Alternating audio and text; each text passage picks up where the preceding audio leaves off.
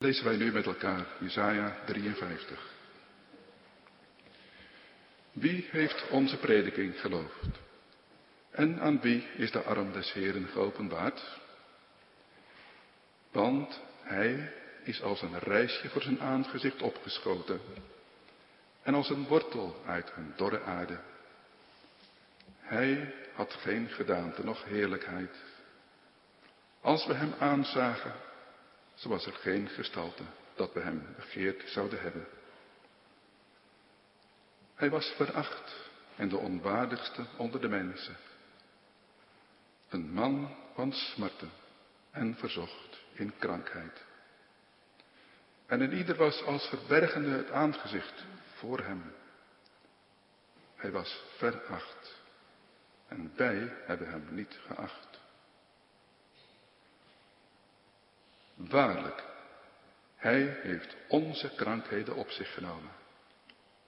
En onze smarten die hij heeft hij gedragen. Doch wij achten hem dat hij geplaagd, van God geslagen en verdrukt was. Maar hij is om onze overtredingen verwond.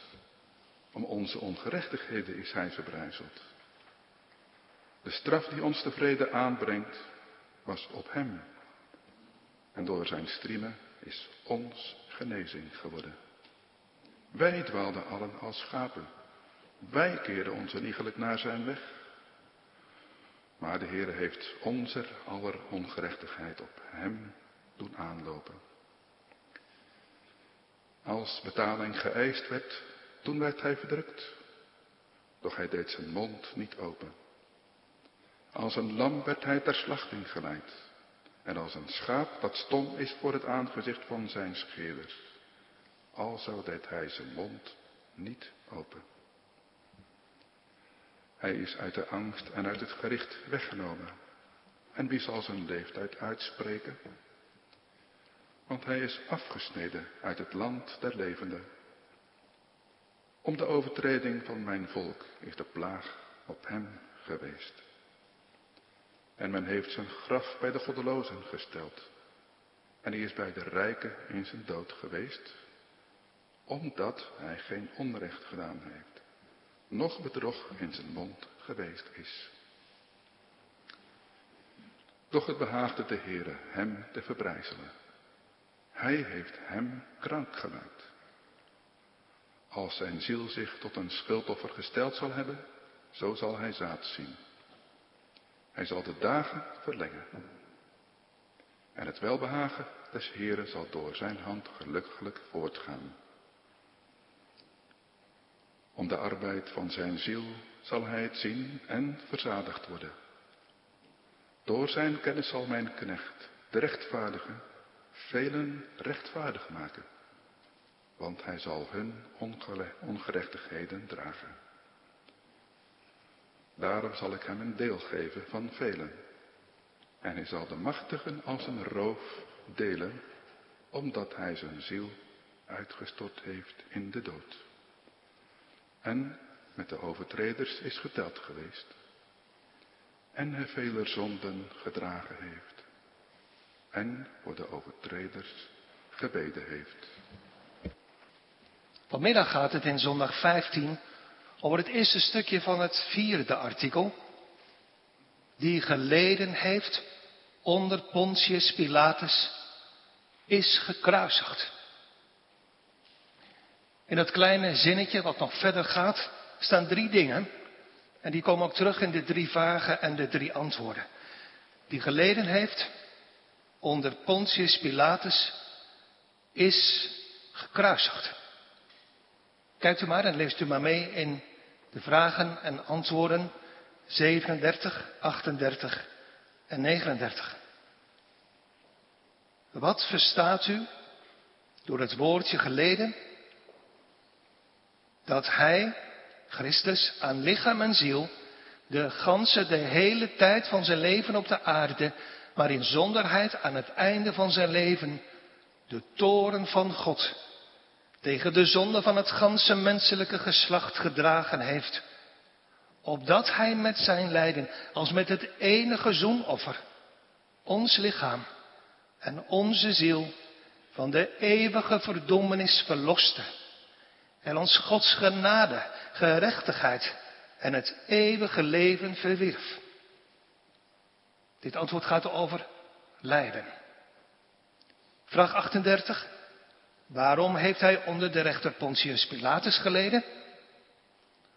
Opdat hij, onschuldig onder de wereldlijke rechter veroordeeld zijnde, ons daarmee van het strenge oordeel van God dat over ons gaan zou bevrijden. Dat antwoord gaat over oordeel. Vraag 39. Heeft dat iets meer in zich dat hij gekruisigd is geweest dan of hij met een andere dood gestorven was? Ja, het, jazeker. Want daardoor ben ik zeker dat hij de vervloeking die op mij lag op zich geladen heeft. Terwijl de dood van het kruis door God vervloekt was. Dit antwoord gaat over het kruis. Het thema van de preek voor vanmiddag is de Heer Jezus in onze plaats. Drie punten en dat loopt parallel met de drie vragen en de drie antwoorden. Zijn lijden, zijn oordeel en zijn kruis. De Heer Jezus in onze plaats, zijn lijden, zijn oordeel en zijn kruis. Eerst gaat het over zijn lijden. Want, zo zegt vraag 37, wat verstaat u door het woordje geleden? Wat verstaat, het is een hele persoonlijke vraag. Wat verstaat u? Wat betekent dat voor u? Voor jullie, jongens, meisjes? Welke betekenis heeft dat voor u persoonlijk? Dat woordje geleden. Ja, maar het is niet genoeg. Dat is ook belangrijk. Maar het is niet genoeg dat je dat, dat weet en, en een beetje snapt en, en onthoudt. Maar het gaat er vooral om, om wat het voor jezelf persoonlijk betekent. Dat kleine woordje waar je bijna overheen zou lezen. Geleden. Geleden, jongens en meisjes, dat woord komt van het woord lijden. Als je dat woord lijden hoort, dan denk je direct aan, aan verdriet, aan tranen, aan narigheid, aan ellende, aan pijn. En er is in de wereld om ons heen ook al zoveel lijden, oorlog, ziekte, honger, geweld. Jongens, meisjes, hoe, hoe komt dat? Waar komt dat allemaal vandaan? Dat komt, maar dat is geen dooddoener. Dat meen ik echt, maar sterker nog, de Bijbel zegt het. Al die ellende komt door ons. Wij mensen hebben tegen God gezondigd. In het paradijs hebben we met God gebroken. En sindsdien is ons leven anders geworden. En sindsdien is alles in heel de wereld veranderd. En de catechisme schetst dat zomaar met een paar woorden. Lijden. Toren van God. En je voelt het wordt steeds sterker. Eeuwige verdoemenis. Dat klinkt dramatisch. En dat is het ook. Dat is ernstig. Die woorden zijn hoogst ernstig. En de situatie van daarin te leven is gevaarlijk, is levensgevaarlijk. Er is geen groter gevaar denkbaar dan dat. Dat we geboren zijn in een wereld vol lijden. Waarin we zelf ook lijden. Iedereen verschillend, maar toch. En waar we uiteindelijk ook sterven zullen. Maar vooral dat andere wat hier gezegd wordt. De toren van God rust op ons leven. Want, dat komt uit de vorige zondag, zondag 14. We zijn in zonden ontvangen en geboren.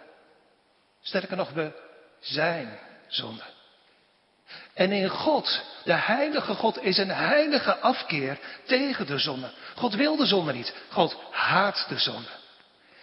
En dus zijn we, zo zegt ook ons mooie doopformulier, de verdoemenis zelf onderworpen. Dat is het onherroepelijke oordeel van God. Waardoor we de hemel niet binnen mogen, maar naar de hel moeten. Een plaats waar de Heer Jezus zo duidelijk over spreekt. Een plaats waar wening is, waar gehuild wordt. En knersing van tanden. Van verdriet, van pijn, van beroeging. Maar vooral van haat. Je zegt, jongens en meisjes, en fijn dat je zo goed luistert. Je zegt, het is verschrikkelijk. Dat klopt, dat is ook zo. Maar weet je wat nog veel erger is en wat het nog veel gevaarlijker maakt? Ik zeg het niet wel, maar, maar we zien het niet. En diep in ons hart geloven we het misschien wel niet. We horen het rustig aan, maar we verblikken of verblozen niet. Het lijkt helemaal niet tot ons door te dringen. Het lijkt ons gewoon niet te raken. We lijken wel een beetje te denken bij onszelf. Klopt dat trouwens, als ik dat zo zeg? We lijken wel een beetje te denken bij onszelf. Ja, maar zou dat allemaal echt waar zijn? Misschien, ik hoop het. Misschien zal het straks wel een beetje meevallen. Want God is toch liefde. En misschien zal het uiteindelijk, dat hoop ik, uiteindelijk toch niet zo vaart lopen. Want God is toch barmhartig. En misschien blijkt toch straks gelukkig dat God toch rekening gehouden heeft met het feit dat wij probeerden anders te zijn. Anders dan al die andere mensen. Dat is gevaarlijk. Dat denken is levensgevaarlijk. Dat je het niet ziet, het gevaar van je leven. En dat je het ook niet wilt zien. Maar dat het wel komt. Vroeg of laat, onherroepelijk. Want de Bijbel zegt dat God meer is dan liefde alleen. Zijn heilige liefde brandt van toren over de zonde. En als je doorleeft zoals je leeft, als je dat allemaal ontkent en niet gelooft in je hart, hoe dan ook, vroeg of laat ga je die heilige God tegenkomen. En dus zeg ik vanmiddag nog een keer, mensen, word toch wakker uit je droom. En ga niet door. Je leven kan plotseling voorbij zijn. En dan sta je, of je nu groot bent of klein, voor God. En als je er dan pas achterkomt en als je dan pas gelooft, ja, dan is het te laat. Er zijn ook mensen, ook hier in de kerk, ook thuis meekijkend, die het wel echt geloven. U zegt, of jij zegt, met David, dat is waar, Heer. Ik heb gedaan dat kwaad is in uw oog. Zo ben ik, zo is mijn leven, zo is mijn hart. Ik ben zonde. En door mijn eigen schuld, en ik wijs naar niemand anders en al helemaal niet naar u, door mijn eigen schuld leef ik onder uw toren. Ik ben uw oordeel waard. Het zou terecht zijn als u het zou uitvoeren. Ik heb het verdiend, heren. Voor die mensen is zondag 15 een hele mooie zondag. Als er staat dat Hij, de Heer Jezus Christus, op de aarde, aan lichaam en ziel, zijn leven lang, maar vooral aan het einde van zijn leven, die toren van God tegen de zonde van het ganse menselijke geslacht gedragen heeft. Hij, Heer Jezus Christus. Wat is dat troostvol? Als je daar in stilte over denkt. Heeft zijn leven lang geleden. Ja, ik weet het. Wij kunnen soms ook lijden. Als we ziek zijn, als we verdriet hebben. Kan een tijd duren. Soms wordt het minder en gaat het over. Bij anderen blijft het en dat is heel moeilijk. Maar dit is erger. Levenslang. Altijd. En het is nooit overgegaan. En het werd alleen maar erger. Het begon met zijn nederige, met zijn arme geboorte in Bethlehem. Toen moest hij, toen moest hij als kleinkind al vluchten naar Egypte. Hij werd veracht, bespot, uitgelachen, verzocht en hoe door de duivel. En vooral ook zijn discipelen deden hem heel veel verdriet. En op het laatst van zijn leven werd het steeds erger. Hij leed naar lichaam en ziel. Het laatste, jongens en meisjes, die ziel die, die zit van binnen, dat zie je niet. Dat is lijden naar je ziel is, is onzichtbaar lijden. Dat is onzichtbare strijd, maar juist des te zwaarder. Je zegt, wat was dat dan? Dat onzichtbare lijden van de Heer Jezus Christus? Nou, bijvoorbeeld dit. Dat hij altijd, zijn leven lang, terwijl hij zelf zonder zonde was en de zonde haatte, moest leven dag in dag uit in de verstikkende adem van de zonde van al die andere mensen. Wat was dat onzichtbare lijden? Dat hij kwam tot het zijne, maar dat voor hem geen plaats was. De zijnen hebben hem niet aangenomen. En wat heeft hij in zijn hart, in zijn ziel geleden onder het ongeloof van de mensen? Meest nog van zijn discipelen. Om de onbekeerlijkheid van de mensen die naar zijn preken luisteren. Hij heeft de tranen omgehuild. Wat heeft hij geleden onder de oneer die men zijn vader aandeed?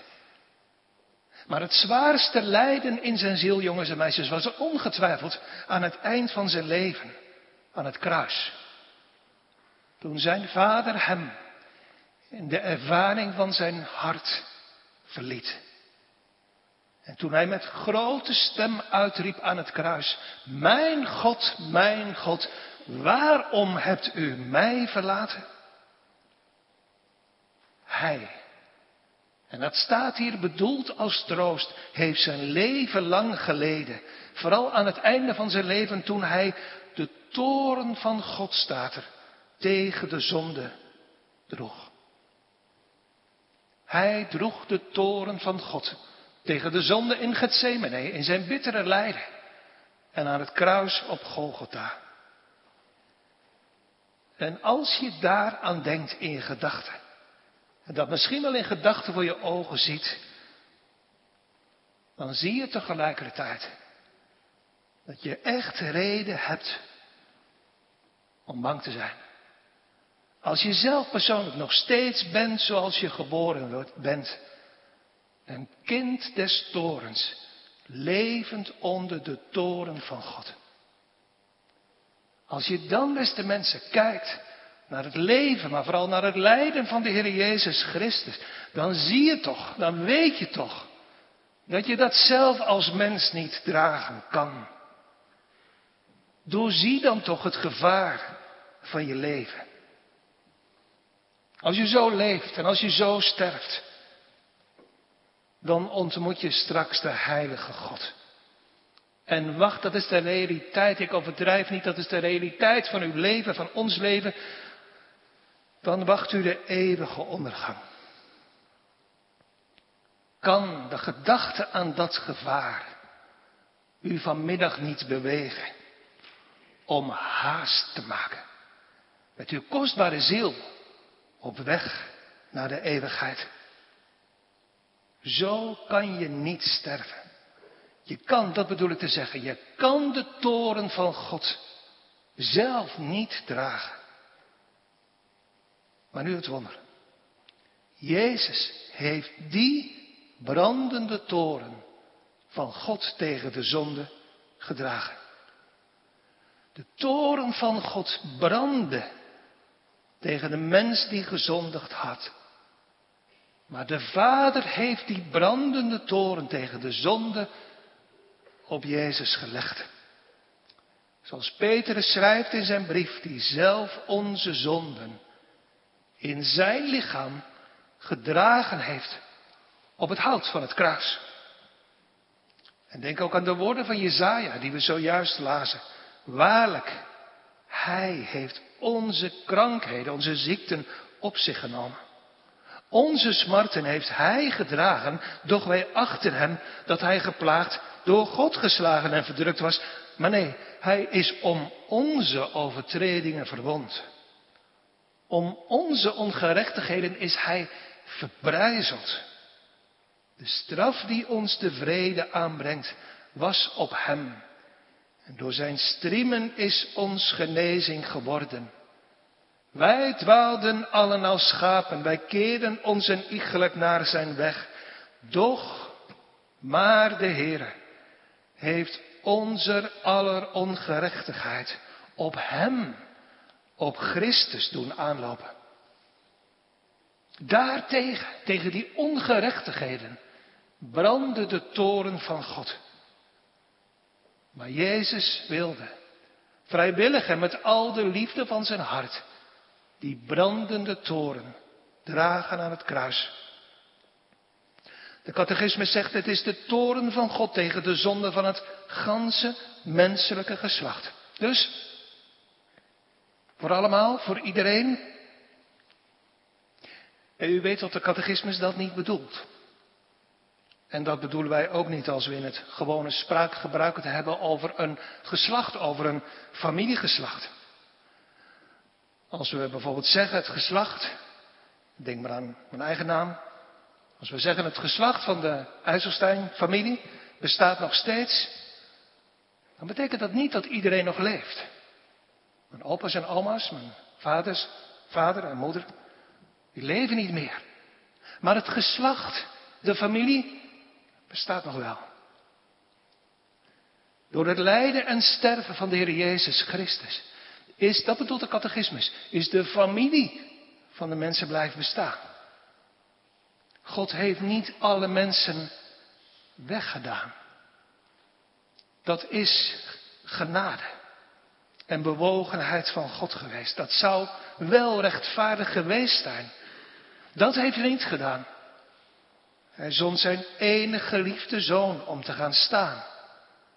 In plaats van mensen die de toren van God, die de verdoemenis, de hel verdiend hadden. Als je iets ziet voor je eigen hart en leven van dat laatste. Ik had het verdiend. Ik had onder moeten gaan. Wat wordt het wonder dan groot in je leven? Als Christus gaat zeggen. Maar ik heb dat voor u gedaan. Ik, in plaats van u. Daar u anders de eeuwige dood, de verdoemenis, moest sterven. Dan sta je in gedachten aan de voet van het kruis. En ik hoop en bid, geliefde gemeente, dat u vanmiddag thuis en hier in de kerk in uw hart ook daar staat. In gedachten omhoog kijkend. Heren, deed u dit, dit zware lijden onder de brandende toren van God. Deed u dit voor mij? Maar dan heb ik uw kroon gevlochten, uw beker gevuld. Wat geeft dat een evangelische droefheid over de zonde in het hart? En tegelijkertijd tot een verwondering en blijdschap. O liefde, die om mij, goddeloze, zondaar, om mij te bevrijden, zo zwaar wilde lijden. Nu hij zegt de catechismus, met zijn lijden, als met dit enige zoenoffer, ons lichaam en onze ziel beide, van de eeuwige verdoemenis verloste. En voor ons Gods genade, gerechtigheid en het eeuwige leven verdiende. Met zijn verzoenende offer.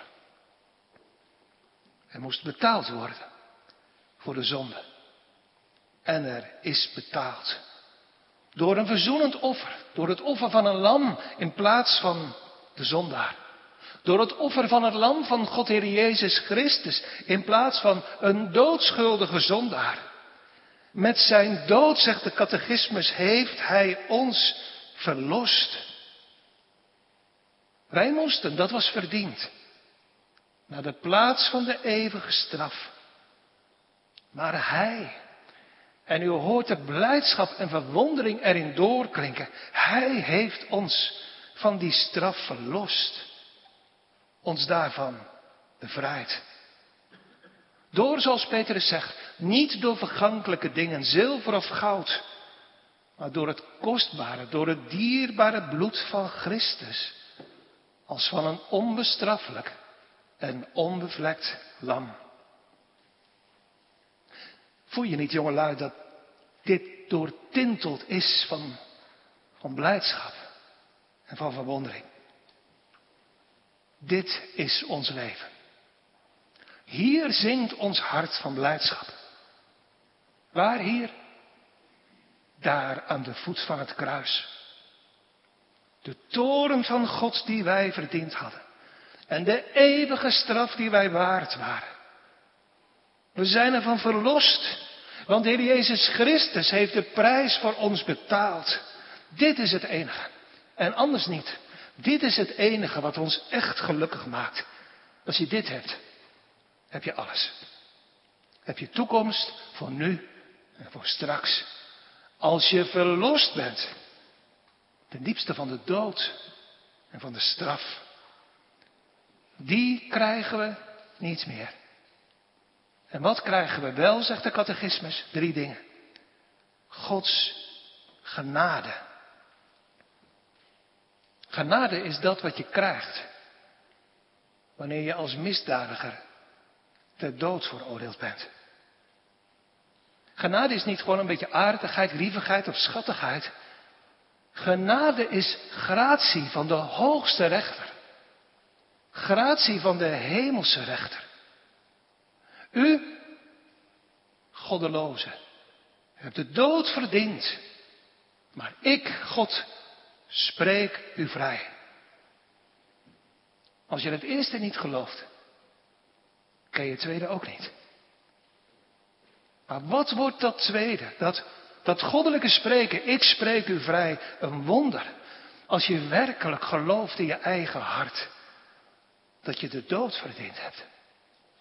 Als een vijand, als een misdadiger, als een goddeloze. En God spreekt je vrij. Maar zonde zonde geworden is, daar wordt genade genade. Wat krijgt een kind van God? Drie dingen. Genade van God, gerechtigheid, dat is jongens en meisjes alles wat de Heer Jezus verdiend heeft. Waardoor het weer goed, waardoor het weer recht komt tussen God en ons hart. Dan denk ik bijvoorbeeld aan 2 Korinthe 5, waar Paulus zegt, die, de Heer Jezus Christus, die geen zonde gekend heeft, heeft God zonde voor ons in onze plaats gemaakt, opdat wij zouden worden, en dan komt het, rechtvaardigheid Gods in Hem. Genade, gerechtigheid, ja zelfs het eeuwige leven. In plaats van die eeuwige verdoemenis, in plaats van dat eeuwige lijden, nu eeuwig leven. Zoals Paulus zegt, nu is er geen verdoemenis meer. Voor degenen die in Christus Jezus zijn. Want het is volbracht. De prijs is betaald. En de schuld is verzoend. Gemeente, wat een uiterste tegenstellingen worden hier getekend. En wat ligt het scherp. Ook in ons midden. De een ligt nog onder de toren en de vloek van God. U bent bezig, letterlijk, om te komen. En de ander is verlost van de vloek en heeft genade. Als een doodschuldige zondaar, precies hetzelfde als alle anderen, heeft genade, gerechtigheid en eeuwig leven gekregen. Een derde groep is er niet. Maar lieve mensen, dat laatste kunt u allemaal krijgen. Echt waar. Maar zolang u dat niet kent, moet u niet gaan rusten. Rust niet uit ongeloof, uit passiviteit, uit desinteresse. Zo van ja, ik kan er toch niks aan doen. Rust ook niet in netheid, in goede werken. Ik ben toch anders dan anderen. Rust niet in ervaringen, in emoties. Rust ook niet op, dat klinkt paradoxaal, maar zo bedoel ik het wel. Rust ook niet op onrust. Op het feit dat je voelt dat je in gevaar bent en verlost moet worden. Omdat je diep in je hart wakker geworden bent uit je dodelijke gerustheid. Rust er niet op. U moet Christus hebben. In uw plaats. Vandaag. Want het kan zijn dat u er morgen niets meer bent.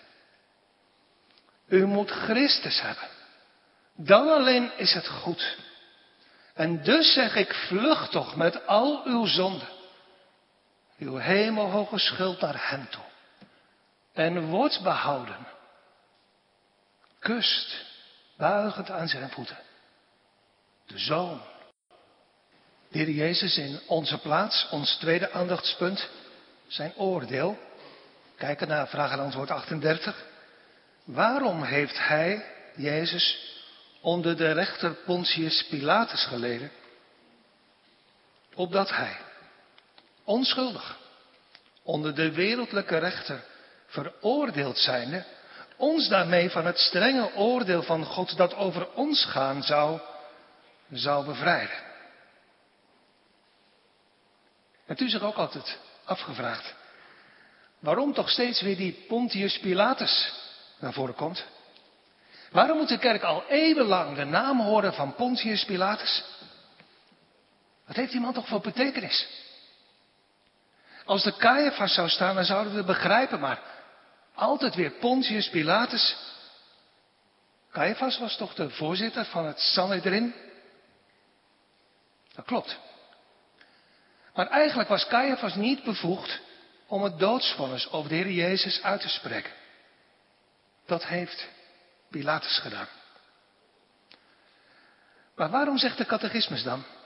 Hij is veroordeeld onder Pontius Pilatus, onder die gewone rechter, opdat hij ons daarmee van het strenge oordeel van God dat over ons gaan zou bevrijden zou. Het lijkt alsof dat oordeel van Pilatus zomaar staat naast het oordeel, het vonnis van God. Alsof je die twee zomaar zou kunnen vergelijken. Hoe dat zit? Dat zit zo. Pilatus was, dat weet u, de officiële rechter. Dat hij niet eerlijk was, niet rechtvaardig, dat was zijn eigen verantwoordelijkheid. Maar God maakte gebruik van hem. En wat hij oordeelde, wat hij uitsprak als rechter, dat deed hij in zijn functie in zijn ambt als rechter. Als rechter, als onderdeel van de overheid, van wie Paulus zegt, de overheid is Gods dienares. Dus eigenlijk, als Pilatus zegt, als dienaar van God, deze man mag de doodstraf krijgen. Eigenlijk is het dan God zelf die gebruik maakt van Pilatus als rechter, die hem, Jezus, ter dood veroordeelt. Niet omdat hij, want het staat er onschuldig, niet omdat hij één enkele zonde zelf gedaan heeft, maar om de zonden van anderen die hij draagt. Dwars door dat oordeel van Pilatus, van die heidense Pilatus heen, horen we God, de hemelse rechter, het is de Vader. Het is de liefde van de Vader. Die het doodsvonnis uitspreekt. Over zijn enige geliefde zoon. Over Jezus, de zonderloze middelaar. Die hij, de Vader, overgeeft in de dood. In plaats van verloren en opstandige mensen. Die dat vonnis verdiend hadden. Dus wat er bij Pontius Pilatus gebeurt is niet zomaar een klein detail tussendoor. Daar vindt de meest wonderlijke ruil plaats. Het is God zelf die daar zegt. U, Jezus, krijgt de doodstraf om de zonden die op uw schouders liggen. En u, mijn volk, u, mijn kind, spreek ik vrij.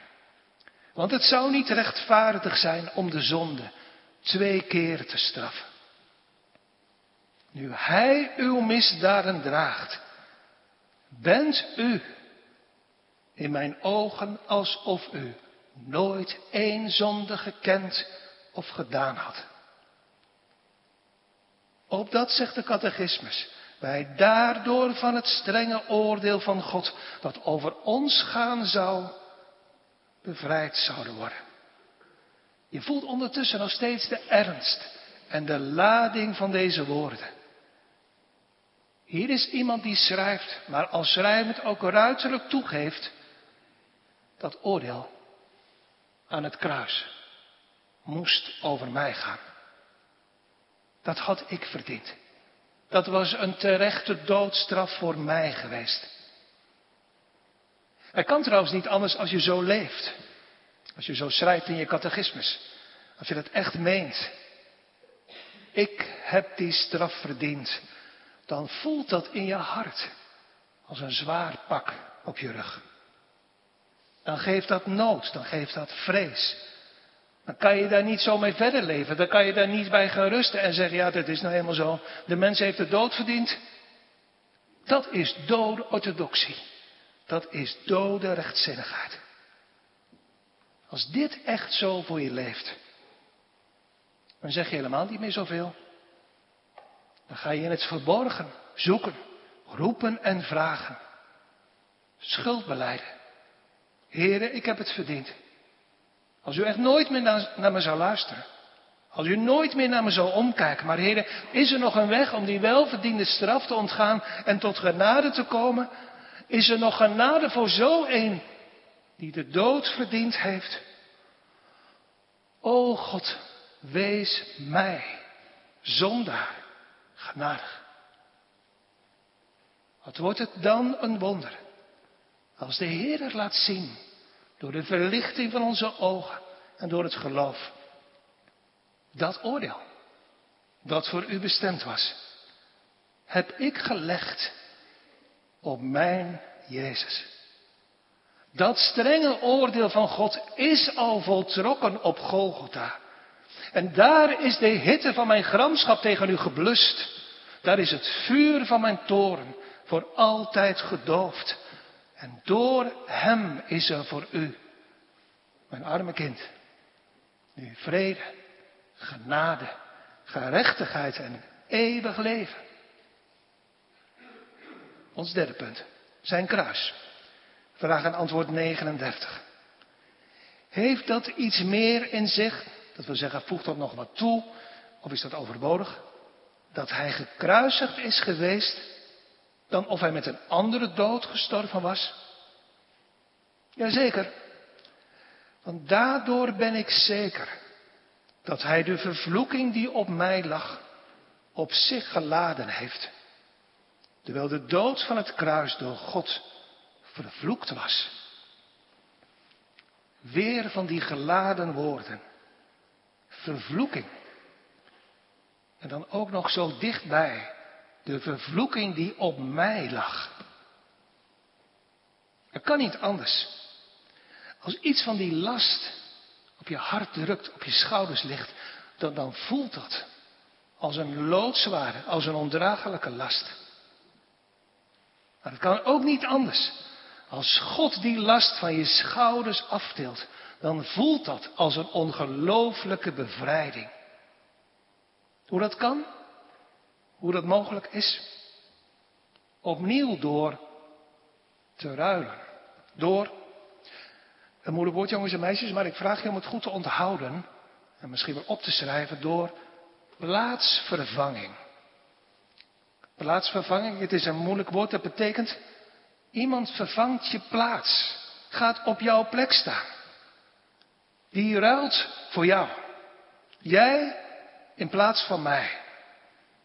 Bijvoorbeeld Heb jij strafwerk gehad op school? Ik ga in jouw plaats staan en dat strafwerk voor je maken. Moet jij nablijven? Plaats vervangen? Ik ga op jouw plaats staan. Ik ga voor jou nablijven. Dat doe ik voor jou. Plaatsvervanging, goed onthouden. Zo is het ook hier in de catechismus. Hier sta ik voor God. De vloek lag op mij. Dat wil zeggen, jongens en meisjes, ik was weggeduwd. Ik was weggestoten van God.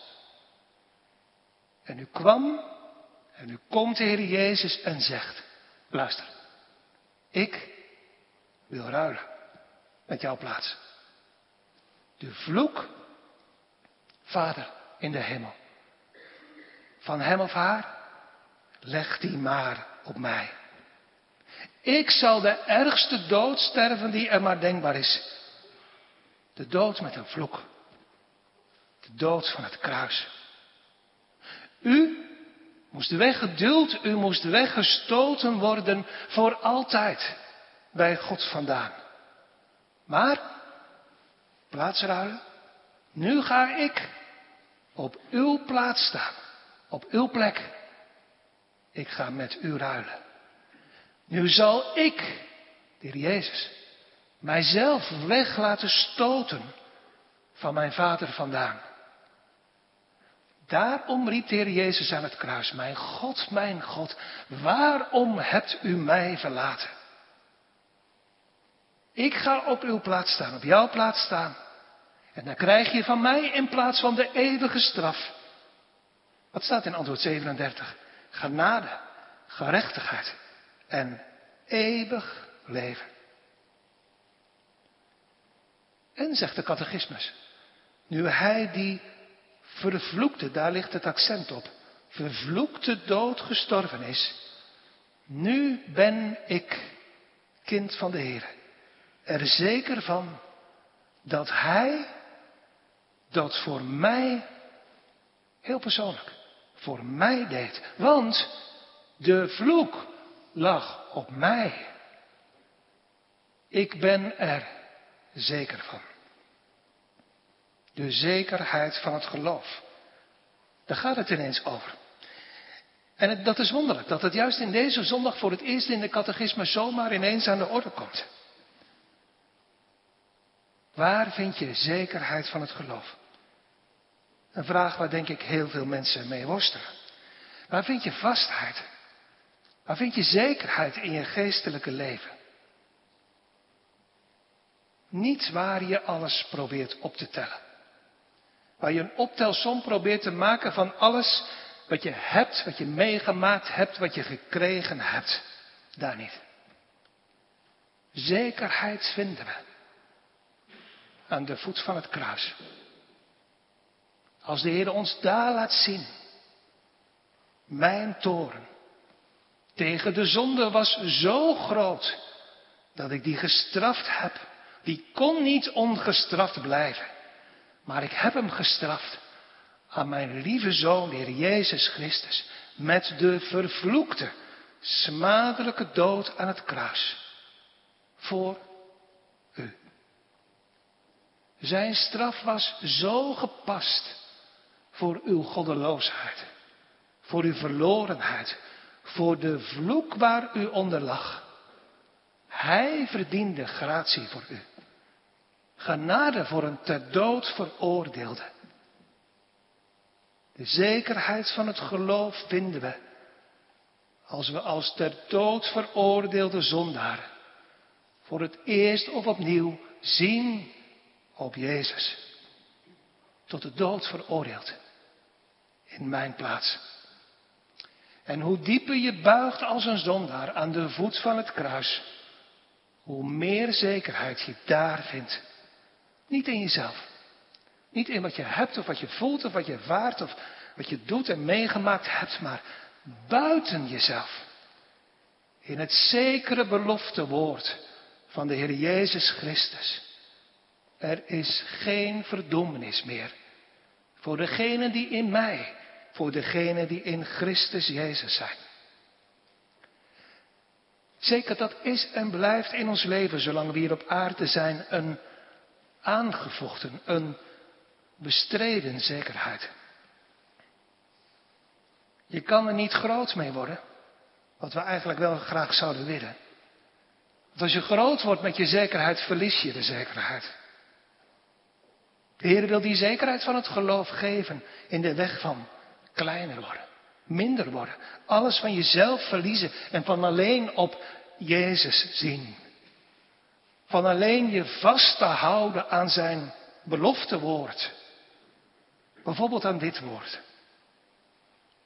Die die geen zonde gekend of gedaan heeft, heeft God zonde voor ons gemaakt.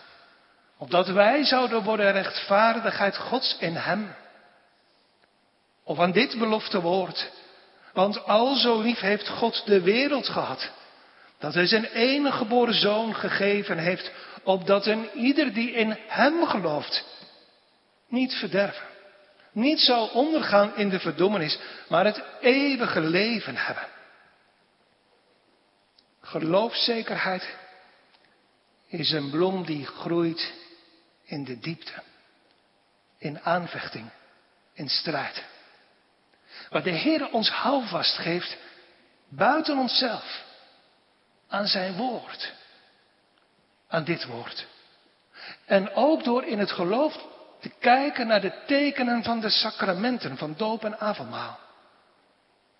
Waar we zien en geloven mogen, kijken met onze ogen.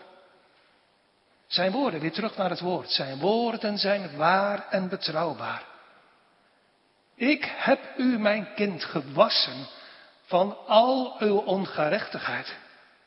Als we kijken naar het water van de doop. Ik heb mijn lichaam laten verbreken voor u. Ik heb mijn bloed vergoten voor u. Daarom gemeente, en ik zeg dat in het bijzonder tegen de avondmaalgangers, moeten we altijd goed kijken. Ook aan de avondmaalstafel. Niet naar beneden kijken, niet in jezelf gericht zijn. Kijken met je ogen naar het teken. Dat wil de Heer gebruiken om ons geloof, ons zwakke en bestreden geloof te versterken. Ons vasthoudend, vastklemmend in al onze nood aan het belofte woord van Christus. Ik heb in de vervloekte dood aan het kruis de vloek voor u gedragen. En, en dan komt de zekerheid.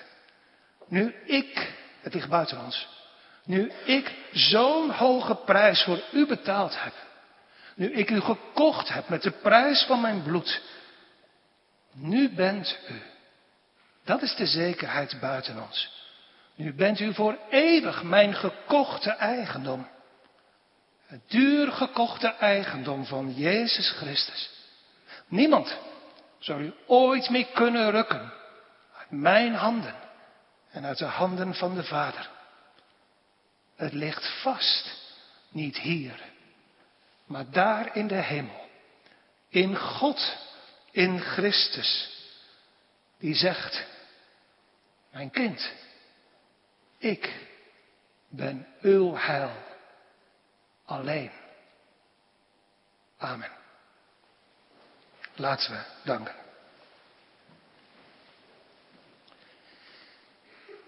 Heren, wij bidden u.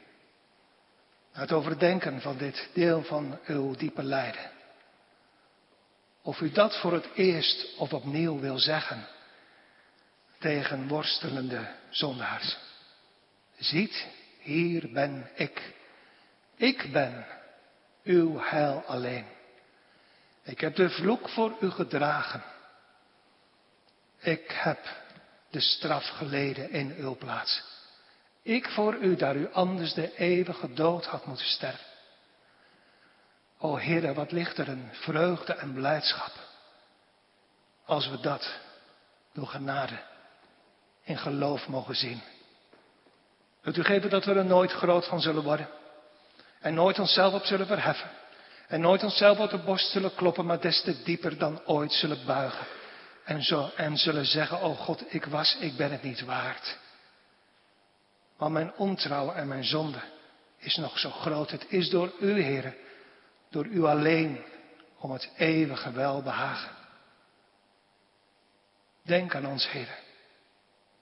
Als we, misschien wel heel rustig doorlevend, in werkelijkheid nog steeds liggen onder de toren en de vloek. En dat in een zo onzeker leven, waar onze dagen een handbreed zijn en onze leeftijd niets is. O God, ontferm u. Geef dat we deze week niet zullen ingaan, deze dag niet zullen uitgaan, zonder te weten dat we in Christus geborgen zijn. Maak haast in ons leven, Heer, in het perspectief van de komende eeuwigheid. En geef dat we met grote haast en grote nood u zullen zoeken. Maar dan ook, Heer, ontferm u in die weg over zoekende zondaars. Door tot hen te zeggen, wat een genade. Ik ben uw heil, uw redder, uw zaligmaker. Alleen. Wij danken u, Heer, voor uw woorden op deze dag. En bidden u of u alle zonden en gebreken in de dienst van de prediking wil wegnemen. En wilt u geven, Heer, dat we de woorden van vandaag, uw woorden, niet als druppels van onze regenjas zullen afschudden en door zullen gaan met onze gewone dingen, maar mogen die ons op de knieën brengen. Ons allemaal. Maar we bidden en blijven bidden. O God, wees ons zondaars genadig. En waar we bidden en danken en blijven danken. O God, hoe groot bent u dat u het op mij, arme zondaar, goddeloze had gemunt. Dank u Heer voor al uw zorg deze dag, voor de rust hier in de kerk en thuis. Blijft u bij ons in de week die voor ons ligt. Neemt u vooral, Heer, alstublieft, niemand weg door een onvoorbereid sterven. Om Jezus wil vragen wij dat van u uit genade. Amen.